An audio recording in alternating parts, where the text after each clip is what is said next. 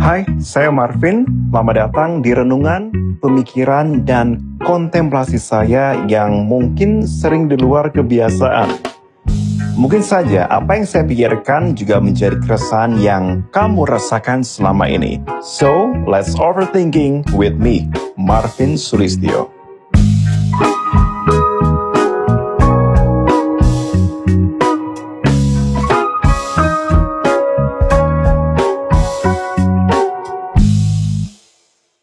Di episode kali ini, gue akan mengajak kalian berpikir lebih alias overthinking mengenai satu permasalahan yang sekarang sedang dibahas banyak orang.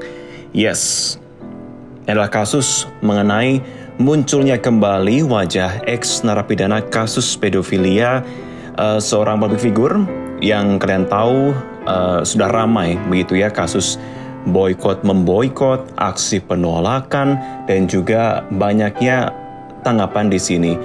Gue mungkin nggak akan ngomentarin mengenai siarannya ya, atau akan seperti apa, karena satu sisi gue bukan pada ranah untuk berbicara mengenai kebijakan penyiaran ada ataupun lembaga censorshipnya, karena itu pasti akan ada uh, pihak lain lah yang lebih berkompeten dan lebih bijak dalam menyampaikan hal tersebut. Di sini gue akan mengajak kita semua untuk bersama-sama berpikir lebih mengenai bagaimana sih psikologis seorang anak yang tiba-tiba sudah dalam proses ingin sembuh, tapi luka tersebut kembali terbuka. Kita semua pasti pernah dong merasakan hal serupa, di mana kita ini mempunyai sebuah ketakutan berlebih trauma pada waktu kita masih kecil atau lebih muda usianya, sehingga membuat kita ketika melihat satu hal pematik dari hal traumatis tersebut membuat kita bereaksi lebih. Kita mengeluarkan emosi yang berlebihan, kita mengeluarkan reaksi yang bahkan sangat membuat panik atau kita menjadi tidak karuan, nggak bisa konsentrasi di sana, oh segala macam di sana. Gue yakin kita, gue dan kalian juga pasti memiliki sebuah trauma tersebut. Ya atau tidak bisa kita sharing kepada orang lain atau yang hanya kita pendam kepada diri sendiri.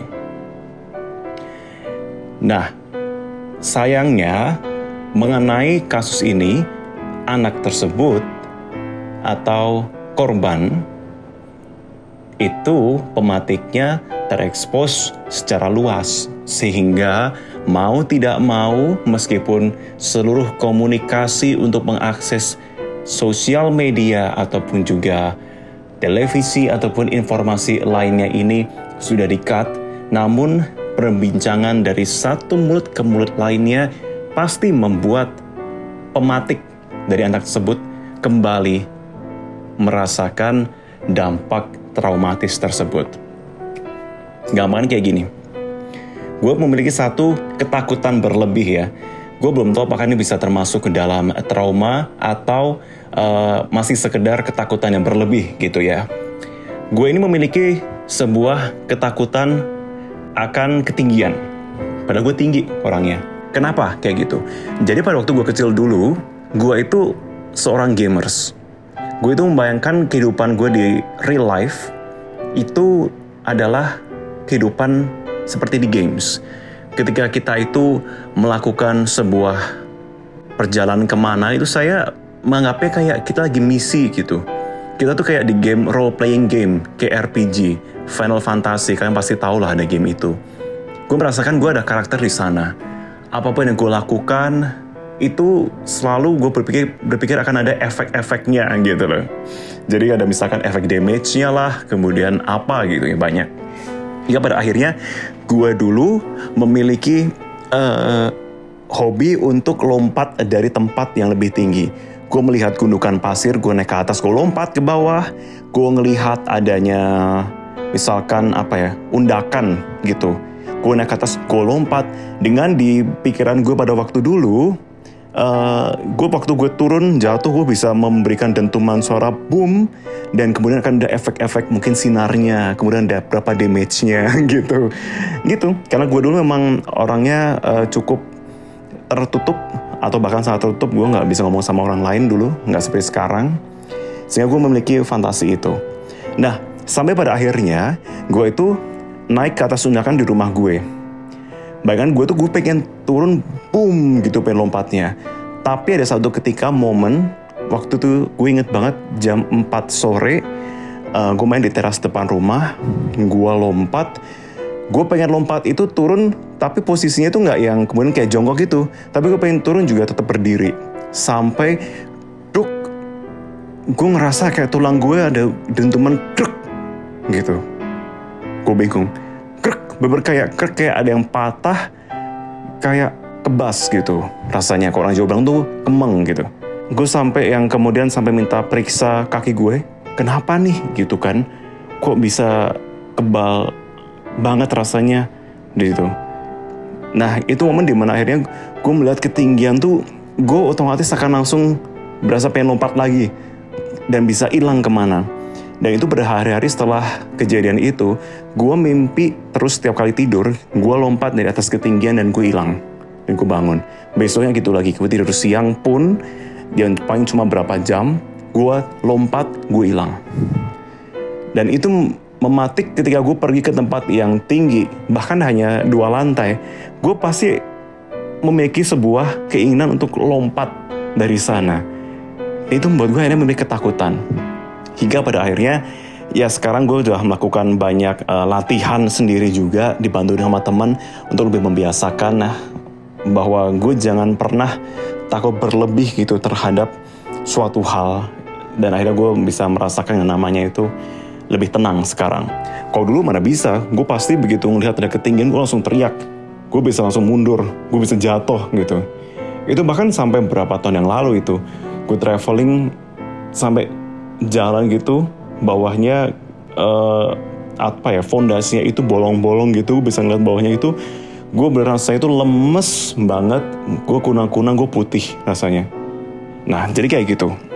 Begitu gue melihat hal ketinggian gue terpantik juga di sana hal traumatis gue. Nah itu pun yang pasti gue yakin korban dari kasus yang gue sebutkan di awal tadi pasti terpengaruh dan menimbulkan trauma ketika melihat wajah ataupun juga nama dari pelaku tersebut. Di sisi lain, kalau kita lihat, meskipun dia itu sudah mendapatkan uh, penolakan dari banyak pihak, tapi dengan viralnya penolakan itu dari publik yang makin masif, bukannya kemudian nama dari si ex narapidana tadi akan tenggelam, enggak. Makin viral ditolak, makin viral namanya, justru akan membuat kembali mendapatkan panggung dan mau tidak mau anak-anak pasti akan menyaksikan hal tersebut, termasuk si korban yang pasti akan langsung terpantik lagi hal yang ada di pikirannya dan berpotensi besar untuk kembali memunculkan ketakutan trauma tersebut. Gue pernah melakukan riset mengenai uh, mental health, tidak hanya mengenai um, stres ya, tapi depresi juga. Gue bukan lulusan psikologis, tapi gue adalah orang yang sangat demen yang namanya itu konsultasi dengan teman-teman psikologi gue. Gue pernah membaca satu artikel dari The Adverse Childhood Experiences Study yang menuliskan soal trauma di masa anak-anak sampai dengan usia remaja. Itu kita bisa melihat ada ciri-cirinya yang kemudian nampak dan bisa dikatakan bahwa oh lu pernah terkena trauma di masa kecil lo. Yang pertama, penderita childhood trauma ini cenderung memiliki emosi yang nggak tentu atau sering disebut dengan mood swing. Mood swingnya ini tuh parah benar-benar bisa ekstrim. Mungkin nggak sampai se ekstrim bipolar mungkin ya, tetapi perubahan moodnya ini benar-benar bisa terjadi. Dan ini dikatakan oleh artikel yang gue baca itu terjadi kalau masa kecilnya dia itu nggak pernah dapat mengekspresikan perasaannya dengan benar dan apa pun keinginannya selalu dibantah oleh orang terdekatnya, termasuk orang tuanya ataupun saudaranya. Jadi kayak gemes sendiri, gue mau ngomong apa sih, gue mau menyampaikan apa gitu. Di pikiran gue semua tulisan apa pun yang ada di pikiran gue ini semua terus melayang dan gak bisa gue ekspresikan. Kemudian ada juga faktor bahwa kita nggak bisa menerima kritik sekecil apa pun, gitu teman-teman. Ada alasan bahwa seseorang dengan trauma masa kecil itu nggak bisa menerima kritik dengan baik dan bisa terjadi pada waktu dulu mungkin secara mental dan emosional anak ini sering diabaikan oleh orang tua atau orang-orang terdekatnya. Sehingga ia tidak dapat menerima kritik sekecil apa pun sebab emosi yang selalu didahulukan. Itu berarti artinya apa? Perhatian dan kasih sayang dari orang tua adalah hal yang penting bagi perkembangan psikologis anak.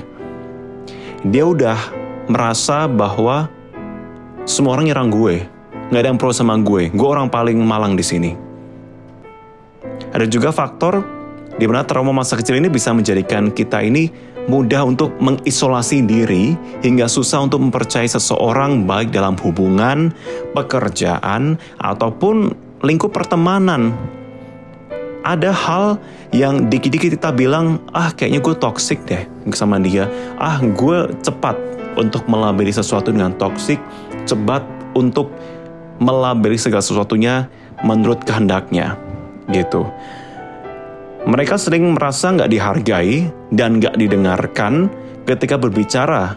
Mungkin maksud kita biasa aja gitu, kayak misalkan kalau kita ngomong normal, mungkin kita kayak yang, eh, gue ngomong, gue perhatiin bentar gitu Mungkin untuk kita dalam mood yang lebih baik kita kita merasa bahwa oh hal yang biasa. Tapi untuk anak yang pernah memiliki trauma tersebut, satu atensi nggak diberikan memicu ketidakpercayaan dan merasa ia dibuang kembali. Kemudian di saat ia berani menjalani sebuah hubungan, ia akan bersikap overprotective dan butuh perhatian lebih kepada si pasangan ini Kenapa? Simple logikanya. Dia takut dicampakkan lagi. Dia takut dibuang. Dia takut diingatkan hal-hal yang mengerikan seperti dulu. Makanya dia akan benar-benar keep dia banget. Dan kemudian juga muncul perasaan depresi, malu, hingga putus asa. Nah, gue sih berharap dari korban yang gue sebutkan di awal tadi itu sekarang sudah mendapatkan atensi lebih dalam segi pemulihan secara psikologis ya. Gue harapan gue itu. Tapi untuk kita semua yang ada di sini, mungkin gue atau kalian semua, atau mungkin kamu yang masih dipendam sekarang ketakutan tersebut, yuk sama-sama kita step up untuk mau sembuh dan lebih baik. Punya satu uh, resep gitu yang pernah dituliskan dan ini uh, menurut jurnal dari Andrea Brand ini seorang terapis pernikahan dan keluarga dari Amerika Serikat. Nah, hal pertama untuk memulai proses pemulihan trauma, kalau menurut Andrea ini adalah coba fokus pada diri sendiri. Ketika kita sudah benar-benar dalam kondisi sendiri, udah mulai overthinking, kita udah mulai merasa bahwa aduh, aduh, aduh, trauma gue udah mulai menutupi semua akal sehat gue nih coba cari tempat tenang. Sehingga kamu bisa fokus dan gak akan terganggu. Kalau perlu pakai pakaian yang nyaman untuk memulai proses yang satu ini deh. Pakai piyama kalau perlu, gak apa-apa. Kau udah duduk dengan nyaman di lantai yang dingin, mata terpejam, tarik nafas dalam-dalam. Kemudian fokus dan coba rasain deh bahwa kamu itu ada di sini kamu bukan orang lain, kamu bukan sesuatu. Kamu ada dan kamu sedang bernafas. Bener, coba nafas dalam-dalam. Kau perlu sekarang. Dan ini bener, pada waktu gue sedang dalam stress level, gue menganggap bahwa Allah cuma tarik nafas saja mas, semua orang juga bisa gitu. Ya semua bisa, betul. Tetapi dengan nafas yang tenang, itu adalah kunci. Ingat satu prinsip dari seseorang yang belajar atau yang menjadi seorang monk. Hal pertama yang ia pelajari bukan soal semesta, bukan soal kedamaian, tapi soal nafas. Yes, nafas. Karena kenapa? Semua sumber dari kegiatan kita, kehidupan kita, perilaku kita dari nafas. Kita marah, kita apa? Nafas kita nggak beraturan. Kita lagi seneng, nafas kita gimana? Nggak beraturan. Kita ketawa kenceng, nafas kita capek nggak loh? Nah, itu. Dari nafas. Coba bayangkan aliran energi dari tulang ekor kamu sampai ke tempat Anda duduk ini semua mengalir dengan tenang dibantu dengan nafas yang tenang. Kita masuk ke cara kedua.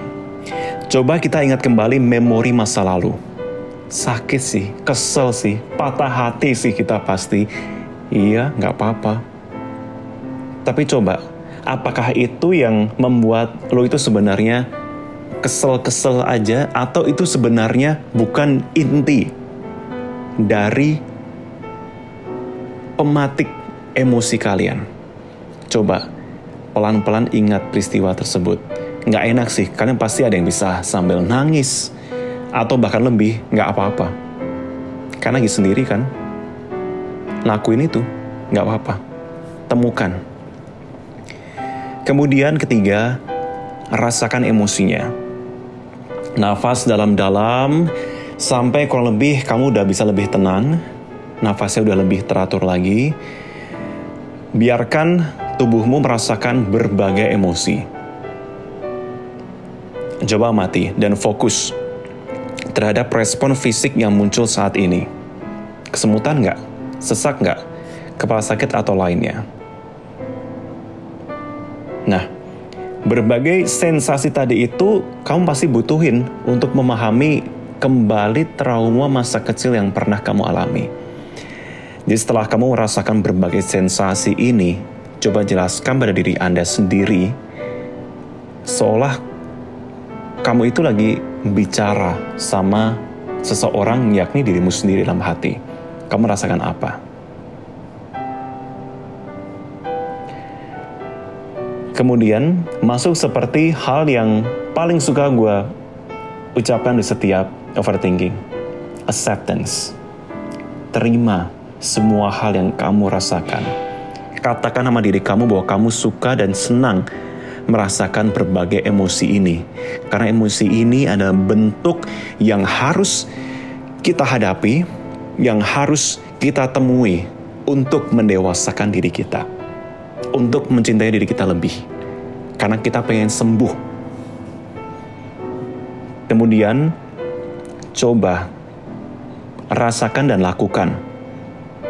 Biarkan perasaan yang muncul sekarang ini meresap ke dalam diri dan ngalir gitu aja.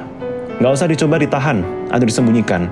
Biarkan tubuh merespon emosi dan sensasi dengan berbagai hal yang kamu inginkan atau kamu perlu lakukan. Kamu teriak kenceng, kamu mau nangis silahkan. Ah gue cowok, gue nangis gengsi. Ngapain gengsi sama diri sendiri? Justru dengan all out sama diri kamu sendiri, artinya kamu sudah mengenal dan kamu sudah mengerti siapa kamu dan kamu gak berbohong dengan diri kamu. Kemudian, setelah itu, coba kamu buka mata pelan-pelan Coba kamu sekarang ambil kertas, ambil pena, tulis semua perasaan dan emosi yang kamu rasakan dalam secari kertas. Lakukan hal ini terus 5-10 menit gak masalah. Daripada waktu kamu menjamkan mata, kemarahan, apa pun itu, kamu tulis di kertas itu. Gak ada kertas, pakai handphone, tulis. Tapi jangan buka sosial media. Kalau perlu, airplane mode Kemudian, ketika kamu sudah mengerti, oh banyak hal yang membuat kamu ini nggak tenang gitu. Kamu pasti punya orang atau sosok yang pasti kamu anggap dekat dan kamu percaya untuk berbagi. Coba ceritakan pada orang itu. Kalau kamu gak mengharapkan ada respon dari orang itu, bilang aja. Eh, gue mau cerita, tapi please lu denger aja. Lu di sini aja, gue cerita, udah seneng. Oke? Okay? Dia pasti mengerti kok Yaudah kamu curahkan semua yang ada di sana. Meskipun mungkin teman kamu gak memberikan solusi banyak misalkan memberikan uh, obat penenang atau apa pun itu, atau membawa ke psikolog, nggak masalah, nggak apa-apa. Tetapi dengan kita berbagi kepada orang yang tepat, itu sudah mengangkat sedikit dari beban psikologis kita. Dan itu masuk kepada fase terakhir. Lepas dan buang semuanya. Kalau perlu tulisan tadi itu, kamu bawa dan kamu bakar. Tarik nafas dan benar-benar bilang bahwa itu udah luka masa lalu dan sekarang saya sudah lebih dewasa. Hilangkan trauma, emosi, dan sensasi yang menyertai dengan membuang dan melepas semua hal yang berkaitan dengannya. Dan langkah opsional ketika kamu masih merasakan kesulitan dalam menghadapi ini, jangan pernah takut untuk bertemu dengan psikolog atau psikiater. Mereka ada untuk membantu, bukan untuk menilai judging kamu. Please be aware with yourself. Jangan jadikan hal-hal kecil apa pun bisa memantik semua semangat hidupmu. Semangat kita pasti bisa melewati semua. See you on the next episode.